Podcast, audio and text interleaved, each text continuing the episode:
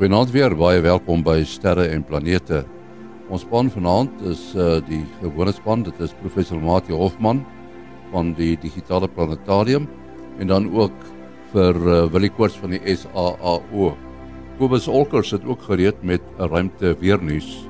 Maar hier is eers 'n ruimte nuus wat geskryf word deur Herman Torin in Bloemfontein. 'n Marskarretjie wat volgende jaar na Mars gelanseer word en in 2021 daar sal land Sy voorgestelde landingsplek blyk ryk te wees aan gesteentes wat ideaal is vir die vorming van fossiele. Die landingsplek in die Jezero krater blyk ryk te wees aan gehidreerde silika wat op aarde besonder geskik is om fossiele in vas te vang. Die Marskarretjie se instrumente sal verskeie ontledings van die rotse doen.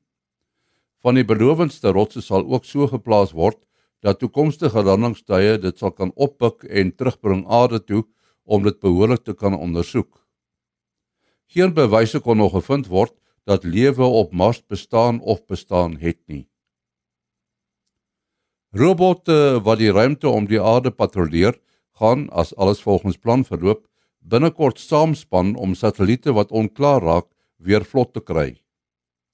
Terselfdertyd het die Europese Ruimteagentskap ESA aangekondig dat 'n kontrak aan 'n firma toegeken is om ruimterommel op te ruim. Navorsing vir die herstel van satelliete deur robotte word deur navorsers by die Cincinnati Universiteit gedoen, bygestaan deur studente. Hulle beoog 'n hele netwerk robotte wat nie net satelliete weer vlot sal kan maak nie, maar ook met brandstof kan hervul. Sodoende kan veel minder satelliete gelanseer word as wat nodig sou wees om onklaar satelliete te moet vervang. ESA se projek skop in 2025 af wanneer die gekontrakteerde maatskappy die boonste vuurpyl segment van 'n ESA vuurpyl sal gryp en uit sirkulasie sal haal. Tot sover dan ruimte nuus wat geskryf is deur Herman Torin in Bloemfontein. Nou is dit eers weer tyd vir ruimte weer. Hier is Kobus Olkers. Goeienaand en goeienaand almal. Hier sit ons nou weer in die begin van 'n nuwe week en dit lyk vir my die son is redelik stil hierdie week wat kom. Uh ons het wat korona gehad aan betref is daar 'n hele duisternis van die goedjies maar hulle is so klein dat hulle bitter min van 'n uitwerking gaan hê op ons ruimte weer hier aan die aarde se kant. As ek nou so verder kyk dan het is daar natuurlik nou met die klomp korona gaatjies is daar 'n hele klomp uh, filamente. Weereens hulle is baie klein en baie swak gedefinieer die kanse van enige uitbarstings hierdie week is baie baie skraal. En dan wat die uh son se uh koronamassa uitbarstings en die soort van dinge betref, is daar hoegenaamd geen kans nie. Daar's geen aktiewe area op die op die oppervlakte van die son wat na die aarde se kant toe kyk nie. En as ek nou so kyk op die stereo satelliet wat vir ons help om oor die agterkant van die son te kyk, ehm um, is daar ook niks die moeite werd wat aankom nie. Nou ja, die goed kan altyd uh, dit kan altyd gebeur dat ons 'n uh, 'n vars uh, area kry wat wat sommer net verskyn. Dit gebeur baie. Uh maar die tekens daarvoor is baie skraal. En dan het ons natuurlik soos gewoonlik weer die die groot kroon koronagat by die noordpool en die suidpool van die son.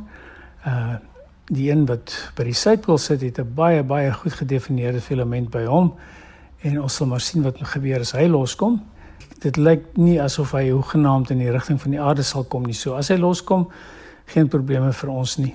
Dalk net vir uh dinge daar in die verre buiten buitenste ruim. Nou ja, dit is ons storie vir hierdie week. Uh interessante son wat mooi lyk, maar wat nie vir ons veel probleme gaan gee nie. Goeienaand almal. Dit was uh, Kobus Olkers wat gesels het oor ruimte weer. Ons wil in die volgende paar programme gesels oor die mites en die waarhede van die doen en late van die mense op die internasionale ruimtestasie.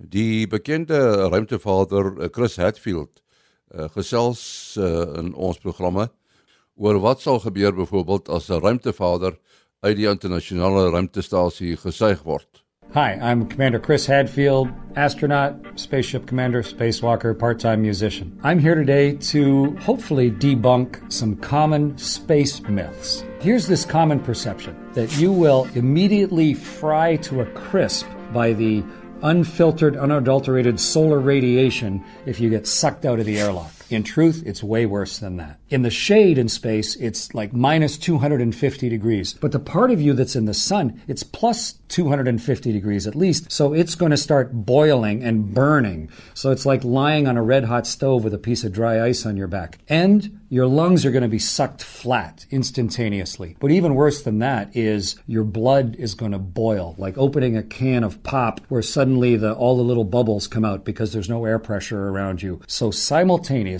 you are going to freeze, boil, burn, get the bends, and no longer be able to breathe. Not a good way to go. I've done two spacewalks, and I was very thankful to have a spacesuit around my body so that none of those things happen to me. Dit was dan uh, Chris Hatfield wat 'n hele klompie maande op die internasionale ruimtestasie die bevelvoerder was. Nou, weet jy, ons het uh, die afgelope tyd nogal vrae gehad oor uh, hierdie snaakse satelliete wat om die aarde wendel, die Starlink satelliete. Uh dit hulle hulle vlieg half in formasie, né? Nee? Uh ja, dis korrek. Hulle is nou op die 11de November die dag van die uh oorgang van Mercurius oor die son toevallig het ek die lansering sit en bekyk uh toe dit nou by ons bewolk was uh, uh SpaceX het al 60 satelliete gelyktydig gelanseer so in 'n tros kan jy maar amper sê en dan is hulle nou besig om uitmekaar uit te uh, te beweeg. So ehm um, een van die goed wat my opgelet het is is, is nou een aand het 'n ex-kollega my gou gebel uit Mamasbury uit en toe sê hy het nou hierdie goed gesien en toe aan sy beskrywing het ek onmiddellik geweet wat hy gesien het alhoewel ek dit nog nie self gesien het op daai stadium nie gou uitgegaan en toe ek nou die die die die die die laaste stukkie van die van, van die show het ek toe nou daar gekyk. Ongelooflik dat jy die satelliete so agter mekaar het lyk regtig soos 'n trein trok wat in die nag ry wat sy ligte uh uh sê sê die liggies anders en en jy sien hardloop die satelliete almal presies op dieselfde baan en soos die tyd aangaan kan jy sien dan beweeg die baan so effen en dit is laat my altyd dink aan presies soos Greg Roberts al vir ons verduidelik het hoe satelliete eintlik werk in hulle bane. So die as jy 'n satelliet wil rondskuif as dit kan jy dink aan 'n aan 'n treinspoor en en en so so om die treinspoor self te skuif is nie baie maklik nie. So dit is hulle doen dit in die in die flieks doen hulle dit baie maklik. James Bond en die flieks kan jy onthou hoe, hoe maklik skuif hulle die satelliete. Maar dis uit die aard van die saak. Dit is onmoontlik jy het baie baie energie nodig om die om die treinspoor te skuif, maar dit is baie maklik om die trokke op die spoor te skuif. Uh uh um en en dit is presies wat jy hierso sien en wat nou aan die gang is die satelliete is nou uh, besig om uit te sprei en uh omdat dit nou daarom nou so uh, redelik onlangs was is van hulle nog redelik naby mekaar. Uh maar hulle begin ook nou al so al 'n paar sekondes uit mekaar uit. So uiteindelik gaan gaan ons gaan hulle nie so opmerklik wees nie omdat hulle daar gaan net so elke nou en dan een verbykom as jy hulle al 60 reg rondom uh dit 360 grade in hulle baan verskuif het. Um is so maar daar word nou nog baie van hulle beplan wat gelanseer gaan word en uh, dit klink my Elon Musk het gesê hulle was verbaas dat hierdie goed so helder is so hulle gaan die volgende se bietjie donkerder maak weet jy of hulle net uh, hulle gaan swart verf of wat ook al nie. Um so dit lyk vir my dan gaan die gaan die gaan die vertoning ook on, ongelukkig oorwees. Ons was nou ook gelukkig Saterdag aand het ons 'n uh, eh, oop aand daar by Boydensterre waar gehad en toe nou 'n uh, 'n hele klompie van die Starlink satelliete daar oorgevlieg. Uh te midde van die uh, taamlik helder maanlig kon ons hulle sien. Nou nie beskiklik helder nie, maar heeltemal ehm uh, uit relatiewe gemak. So dis nogal redelike opgewondenheid. Uh maar daar's ook ontsteltenis in die uh sterrekundige gemeenskap want uh as daar nou uiteindelik uh weet honderde selfs ek dink hulle noem 'n getal van meer as 1500 wat hulle wil uh ontplooi om dan nou uh, vinnige internetverbindings wêreldwyd te kan voorsien wat 'n goeie ideaal is maar as hierdie uh satelliete almekaar deur die sterrekundiges uh, fotos gaan gaan uh, beweeg uh gaan dit nou nie so 'n goeie effek hê nie. En uh lyk my die probleem is nie uh, voorsien nie. Nou uh, uh wil jy jy nou uh, van die een kant uh, of die satelliete bietjie donkerder maak, uh wat sou die implikasie daarvan wees vir die termiese eienskappe? Gaan die satelliete nie dan nou ook sommer warmer word wat uh as gevolg van die son se lig wat nou weer ander probleme kan veroorsaak? Ja, ek het nogal presies dieselfde ding gewonder want ehm um, uh, uh baie maal sien 'n mens dat uh, satelliete en die mense kan die maanfoto's onthou westyds uh um hulle maak baie gebruik van hierdie sogenaamde space blankets wat ons vandag ken wat in ons noodopkussies is wat eintlik maar um, baie dun plastiek mylar is wat uh, dan of met aluminium of met goud uh, goudkleurig dan ge, ge, ge neerge, neergeslaan is en die goeders is baie effektief. Uh, ons weet in die noodhulp as jy wil iemand vinnig warm kry, dan gooi jy so 'n kombersie oor die persoon en dan die straling die hitte van die liggaam word dan skielik binne gehou en en en skielik kry jy lekker warm. Uh en uh, de, so daar word baie van die 'n space blankets gebruik gemaak om uh, die satelliete uh, se se se hitte te reguleer en om hulle van teenstraling te beskerm tye plekke ensovoort. So ja, ek wonder presies dit dit is uh, uh, um, dis nou die groot baas wat gepraat het. Nou weet ek nou sal die die die die ingenieurs verseker nou hulle koppe moet krap om om hierdie probleem op te los dalk. Uh ja, ja, nou 'n aansluiting hierby. Uh die probleem word nou op 'n baie hoë vlak verder deur SpaceX en uh, die sterrekundige gemeenskap uh ondersoek en dan spesifiek het die American Astronomical Society 'n uh, werkgroep tot stand gebring uh met 'n hele paar bekende uh sterrekundiges en ruimtewetenskaplikes. Uh ek en Willie ken uh, toevallig een van hulle baie goed uh, uh Dr. Pat Zaitse van die Universiteit van Michigan. Hy besoek ons so eenmaal in 2 jaar in Suid-Afrika en dan hy is nou ook uh, betrokke by ons uh, geskiedenisprojek onder die Universiteit van Michigan die ou sterrewag op Naval Hill die Lamontasie sterrewag in 1928 gestig het.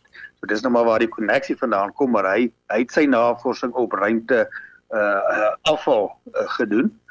Nou die uh, Starlink satelliete sal nou nie klassifiseer as ruimteafval uh terwyl hulle operasioneel is nie maar die groot getal daarvan in 'n redelike lae baan uh plus dan nou die effek van die lug uh, maak dit 'n uh, potensieel uh, redelike probleem en uh nou kan mens sien die twee groepe en dit is uh, is goed is uh elk positief ingestel teenoor wat die ander een probeer regkry en hulle moet nou maar 'n plan probeer uitwerk. Uh kom ons hoop so 'n plan is moontlik. Uh, uh wil mense sou seker 'n bietjie kon speel weet as jy nou dink in terme van die lig wat nou uitgestraal word ehm um, vanaf die satelliet dit ontvang nou eh, 'n uh, hele wye spektrum amper wit lig vanaf die son en dan word nou deel kan geabsorbeer word en dit weer weer uitgestraal word. Ehm uh, maar vir die sterrekundiges hulle neem tog maar in al die golflengtes waar so jy kan nou nie maklik maak dat hulle nou 'n sekere golflengtes of belangrike golflengtes die satelliete nie kan sien nie terwyl ander golflengtes dalk nog nie so belangrik is nie. Kyk, mens kan nou met uh fosfor, nou die fosfor as sodanig nie, maar die uh familie van elemente wat hulle fosfors noem wat uh straling van een golflengte op kleur inkry en dan weer straling van ander golflengte op kleur uitstraal net dalk miskien kan dit die probleem versag. Dit sal sekerlik nie oplos nie as mens so 'n tipe van 'n verf kon opsit. Hmm, hmm ja, dis 'n interessante interessante voorstel. Daardie selfde tegnologie word natuurlik op die vensters van CCD's gebruik of of oor die CCD self. Uh soos ons weet is uh silikon waar uit die CCD en ons praat nou van die uh, sterrekundige kameras natuurlik hierso en dieselfde ding wat maar in jou selfoon of of of videokamera is deesdae ehm um, is is baie rooi sensitief. So uh, uh silikon is baie 'n uh, goed, rea goed reageer baie goed op die rooi en die infrarooi kant van die spektrum, maar is baie swak op die blou kant van die spektrum. En ehm um, so dan kry jy dat hulle spesiale lagies oor 'n CCD kameras gaan sit wat um, presies doen wat jy nou sê so die ultraviolet of, of taamlik blouerige lig uh word dan geabsorbeer en dan word hy heruitgestraal as 'n laer uh, frekwensie uh, uh, ja langer golflengte in die in die na die rooi kant toe. Nou gaan jy dadelik dink maar dan gaan jou kamera mos nou heel de mekaar wees uh, want uh, uh hoe weet jy nou of die oorspronklike ding blouerig was en of hy of hy wel rooierig was maar dit sal jy natuurlik dan met filters wat jy voor die uh CCD insit um gaan jy dan spesifiek sekere lig afsny so dan weet jy as jy 'n blou filter insit en jy laat net die blou lig deur en hy hy manifesteer as 'n rooier lig op jou op jou kamera. Uh dit moes oorspronklik blou lig gewees het. Ja, so selfs daarso is is moet jy nog 'n lekker kop hou om om om al jou goedjies bymekaar te hou. Ja, kom ons praat 'n bietjie oor die maan. Die Chinese het nou 'n tuig wat uh, in die omgewing van die maan wentel en ook 'n uh, sogenaamde radioteleskoop of 'n radioantenna daar ontplooi die Xiao. Wie weet jy of uh, die ding al funksioneer? Uh, ja, dis 'n interessante projek. Die die Chinese soos ons soos ons weet het nogal 'n 'n hele program. Hulle het so 'n paar jaar gelede het hulle eers met dit laat mens baie dink as jy terugdink aan die Amerikaanse resies na die maan toe kan jy maar amper sê wat hulle eers begin het en goed net in die maan ingebots het toe later onbemande tuie gaan land het uh toe uh, wel karretjies het, het eintlik eers later gekom uh met so met dit beman was maar die Chinese het deur hierdie hele klomp stappe gegaan in die maan ingebots en 'n karretjie toe gelanseer en maar die heeltyd omdat uh hulle moet en uh, hulle het natuurlik dit alles aan die agterkant van die maan gedoen. Nou moet nou nie die Pink Floyd die mekaar raak met die dark side of the moon nie. Die die helfte van die maan is altyd donker. Uh, uh maar die gesig van die maan wat na die aarde toe wys is noem dit noem dit nou maar die voorkant en en hulle konsentreer al hulle hulle pogings op die agterkant van die maan wat interessant genoeg nogal heel wat verskil van die voorkant maar ons kan dit uh, op 'n ander slag oor praat maar um So uit die aard van die saak eh, die navorsing wat daar uitkom is natuurlik heeltemal nuut en dis nie net goed wat die Amerikaners reeds gedoen het 60 jaar terug nie of of 40 jaar terug nie. Ehm um, daar's 'n kommunikasietuig wat die heeltyd omdat hulle aan die agterkant van die maan werk uh en dit nie kan gesien word en selfs die syne wat hierdie tye uitstuur hierdie karretjies uitstuur uh, kan jy nie deur die maan na die aarde toe stuur nie. Um moet jy 'n 'n relay uh, tuig kry wat uh, die sein ontvang en dan dit aarde toe stuur. Nou hoe hulle dit gedoen het is is as 'n mens dink daaraan as jy van die aarde af maan toe reis, gaan jy op 'n stadium 'n plek kry waar die aarde jou nie meer aantrek nie en die maan jou begin aantrek en ons praat van die L1 of die Lagrange point 1 wat dan um 'n punt is waar die twee swaartekragte uitkanselleer. Nou daar's 'n soortgelyke punt aan die ander kant van die maan. Um ons praat van L2 uh waar die aarde en die maan se swaartekrag ook uitkanselleer. En die lekker ding van hierdie Lagrange punte is dat jy kan 'n ruimtetuig eintlik in 'n wentelbaan om hierdie punt sit. Daar's daar's niks daar nie. Dit is net 'n punt waar die twee swaartekragte uitbalanseer en as jy dan 'n 'n 'n ruimtetuig in 'n in 'n wentelbaan rondom hierdie punt sit, kan jy uit die aard van die saak en dit is dan nou presies waar hierdie tuig is en hy is dan die wentelbaan moet dan groot genoeg wees sodat hy uh um die aarde so nou en dan kan sien om die om die um om die om om die syne terug te stuur aarde toe. Nou uh in samewerking met die Nederlanders het hulle die antennes uh op hierdie tuig ge, geïnstalleer en dit was nou al van die begin van die jare wat hy gelanseer is. Um en en hulle wou nie eintlik die primêre sending wat bedoel is met die karretjies wat op die maan rondry. Uh uh um, en die en die um tuig wat daar staan, wou, wou hulle nie in gedrang bring nie. So hulle het die hele tyd daarop gekonsentreer, maar nou het hulle uiteindelik die antennes ontplooi wat uh dan uh, dit is maar dis eintlik soos radioskottels. En die skottels kyk dan nou in die diep ruimte in. Dit is juist die die die die voordeel daarvan. Ons het dan nog gesê hulle kan nie die syne na die maan toe stuur nie. Van die maan af aarde te stuur as jy in die agterkant is nie. En nou het jy natuurlik dieselfde voordeel dat enige radio-uitsendings van die aarde af word dan afgesny deur die maan. En die goed om te kyk kort na die oerknal die oorblyfsels daarvan is nogal juist mooi op dieselfde frekwensies as wat die geras van die aarde afkom. So die uh, dis nou 'n ideale geleentheid om wanneer die satelliet dan tussen die maan en die aarde agter die maan gaan skuil van die aarde af om dan die lesings te doen. So die antennes is nou sopas ontplooi. So dis eintlik weer 'n nuwe 'n nuwe tydvak. Uh, uh hulle uh, oorspronklik het hulle gedink om so 3 jaar hierdie program te hardloop, maar hulle het nou al amper 'n hele klompie tyd verloor as gevolg van die antennes wat nou eers ontplooi het en uh maar hulle hoop daarom dat hierdie ruimtetuig vir nog so 10 jaar aan die werk gaan bly. So dit dit gaan weer vir ons 'n hele nuwe 'n nuwe venster op die heelal oopmaak. Willie, wat tog vir my interessant is is die vindingrykheid van die wetenskaplikes uh die sterrekundiges. In die geval is die een prominente naam daar die bekende Nederlandse radiosterrekundige Heino Valke uh terwyl die uh Chinese nou in die maan belangstel aan die agterkant van die maan, het hulle hierdie kosmologiese vraag rondom die uh neutrale waterstof wat daar in die oereel almoes gewees het, 'n totaal ander doelwit, maar hulle kan lekker saamwerk as uh, deur nou gebruik te maak van wat die ander een doen. Wel natuurlik tegnies was die Nederlanders nou afhanklik van die uh Chinese se tuig. Uh maar daar is nou nog so natuurlik 'n bietjie botsing van belange. Die die Chinese se eerste doelwit is om te kommunikeer met hulle robotiese tuigies daar op die uh maan en hulle moet om die om die maan kan loer om syne terug te kan stuur aarde toe. So die Nederlanders het nou nog nie die perfekte afskerming wat hulle wil hê nie, maar hulle hoop in die toekoms kan hulle dit uh kry.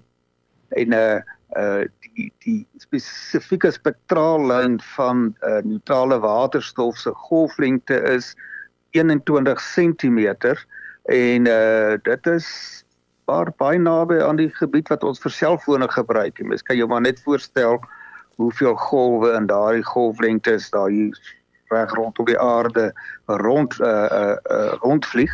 As jy nou jou voorstel daardie oer amper oseaan van neutrale waterstof wat newens donker materie die heelal sou totaal oorheers het met hier en daar sterre.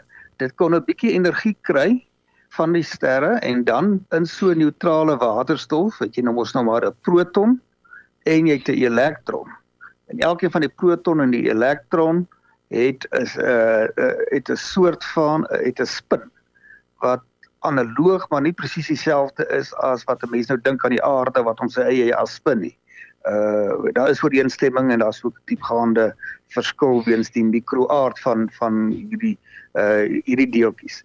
Nou in die een toestand kan hierdie twee uh die spin van die elektron en die spin van die proton parallel aan mekaar wees of die uh elektron kan geflip word wanneer hy uh, uh energie onder energie opvang of eintlik sy as die spin parallel is is dit die uh hoogste energie toestand. Dit is dit gaan nou maar oor die magneetvelde. Magneetvelde wil ons graag antiparallel wees.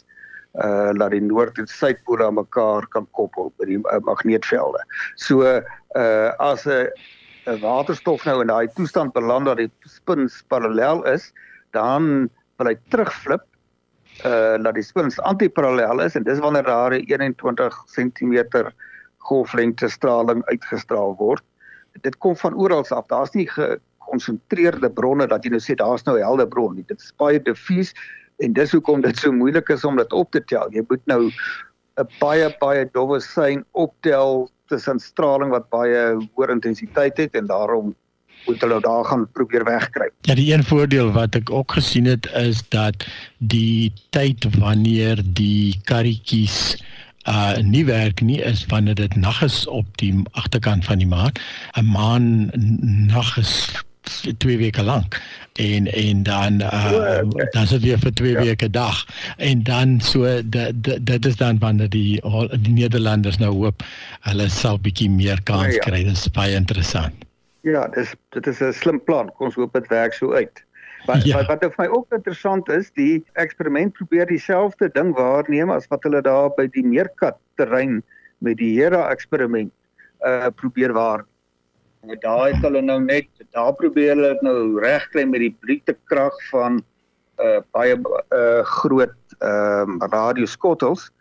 Dink uiteindelik gaan daar amper 30 van hulle wees. Dalk is jy op hoogte van hoeveel van hulle al voltooi is, maar dit is nou spesifiek ingestem om daardie golwe wat net van reg bo af daai antennes kan nie ronddraai. Ja, hulle moet nou maar gebruik maak van die aarde se rotasie om in verskillende rigtings te uh, kyk. Die mense sal seker nie verbaas weet nie as die ou eerste mense wat hierdie straling waarneem, daai span hulle leiers met 'n Nobelprys beloon gaan word want dit is nou 'n baie kritiese element van om te bevestig dat die oorkomstandighede was soos wat hulle dink dit was. Ons moet afsluit. Uh, wat is jou besonderhede? Uh, ja, mense kan bel WhatsApp, SMS 0724579208. 0724579208. En dan da uh Mati. 0836257154. En my uh, e-posadres maas.henny@gmail.com. maas.henny@gmail.com.